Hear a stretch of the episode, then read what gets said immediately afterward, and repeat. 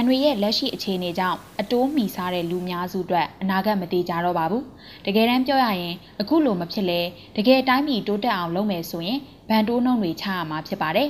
။အတိုးနှုံချမှလုပ်ငန်းတွေချင်းငွေတက်တာရမှအလုပ်လုပ်နိုင်မှာပါ။စီးပွားရေးလုပ်ငန်းတွေဖွံ့ဖြိုးမှအစိုးရတရက်အခွန်ရမှာပါ။တယံဇာတရောင်းပြီးတိုင်းပြည်တိဆောက်တာဟာအကောင့်ထက်အဆိုးများသလိုစော်ဒီလိုနိုင်ငံကလွဲပြီးတယံဇာတနဲ့စီးပွားတိဆောက်လို့ရတဲ့နိုင်ငံမရှိပါဘူး။ ဗန်နီဇွဲလားဟာဆော်ရီထက်ရေနံတွေပိုများတယ်ဆိုပေမဲ့နိုင်ငံရေးမတည်ငြိမ်လို့ဘာမှလုပ်မရပါဘူး။ဒါပေမဲ့အတိုးနှုံးဘလောက်တက်တာတက်တာလုပ်ငန်းတွေဟာချင်းငွေနဲ့ပဲလုပ်ငန်းတည်ဆောက်မရပါဘူး။လုပ်ငန်းတစ်ခုဟာချင်းငွေအရင်းနှီးနဲ့ကိုပိုင်အရင်းနှီးနှစ်ခုကိုမျှမျှတတတည်ဆောက်ရပါတယ်။ဒါကို finance နဲ့ investment ဘာသာရပ်မှာ capital structure လို့ခေါ်ပါတယ်။ တခါချင်းငွေနဲ့လုပ်ငန်းတိဆောက်ပျက်စီးနိုင်ခြေများသလိုအစိုးရတရက်အခွန်အဖြစ်ရမယ့်ငွေတွေဟာဘဏ်တိုးတွေဖြစ်သွားပါတယ်။တခါငွေအပ်တဲ့လူတွေများပြီးအတိုးနှုံမြင့်ရင်ဘဏ်ပိုင်ရှင်တွေအနေနဲ့အတိုးနှုံကြအောင်ငွေကိုချေးထုတ်ရပါတယ်။အဲ့ဒီမှာအများကြီးလုပ်ငန်းကောင်းတာရောမကောင်းတာရောချီးထုတ်ရတဲ့အတွက်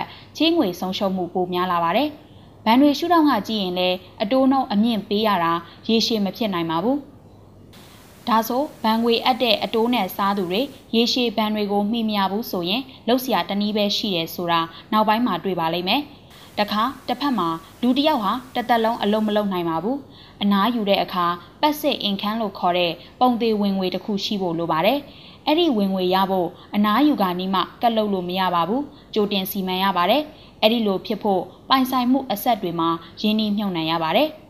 အဆက်တွေဆိုတာဝယ်ယူသူတွေကိုငွေရှာပေးတန်မိုးဖန်တီးပေးပါတယ်။ဥပမာအားဖြင့်အိမ်ချမ်းမြေရွှေတို့ဟာအဆက်တွေဖြစ်ပါတယ်။အဆက်တွေမှာမတူညီတဲ့သဘာဝတွေရှိပါတယ်။ရွှေဆိုတဲ့ပိုင်ဆိုင်မှုဟာ wealth protection asset ဖြစ်ပြီးမိမိကြွယ်ဝမှုကိုထိန်းပေးတဲ့သဘာဝရှိပါတယ်။အိမ်ချမ်းမြေဆိုတာကတော့ wealth growth asset ဖြစ်ပြီးမိမိကြွယ်ဝမှုကိုတိုးပွားစေပါတယ်။ဒါပေမဲ့အိမ်ချမ်းမြေပိုင်ဆိုင်မှုကအရေးဖြစ်ဖို့ခက်ပါတယ်။ရုတ်တရက်ရောင်းဖို့ဝယ်ဖို့မလွယ်ပါဘူး။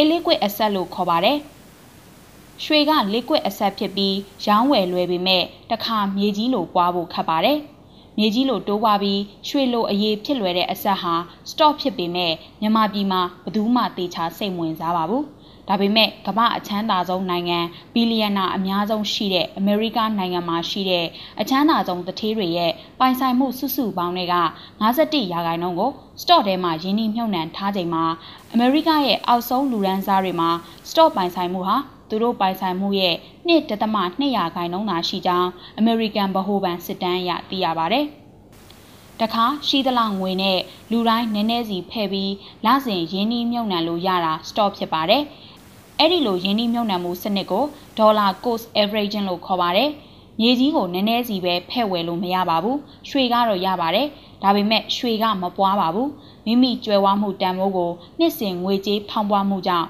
မပွန်းပဲ့အောင်ထိမ့်ပေးတာရွှေပါ။ဒါပေမဲ့ရွှေတစ်ကြက်သားဟာနောက်နှစ်တရာလဲတစ်ကြက်သားပဲရှိမှာပါ။ အမေရိကမှာနှစ်200သူတေသနအရ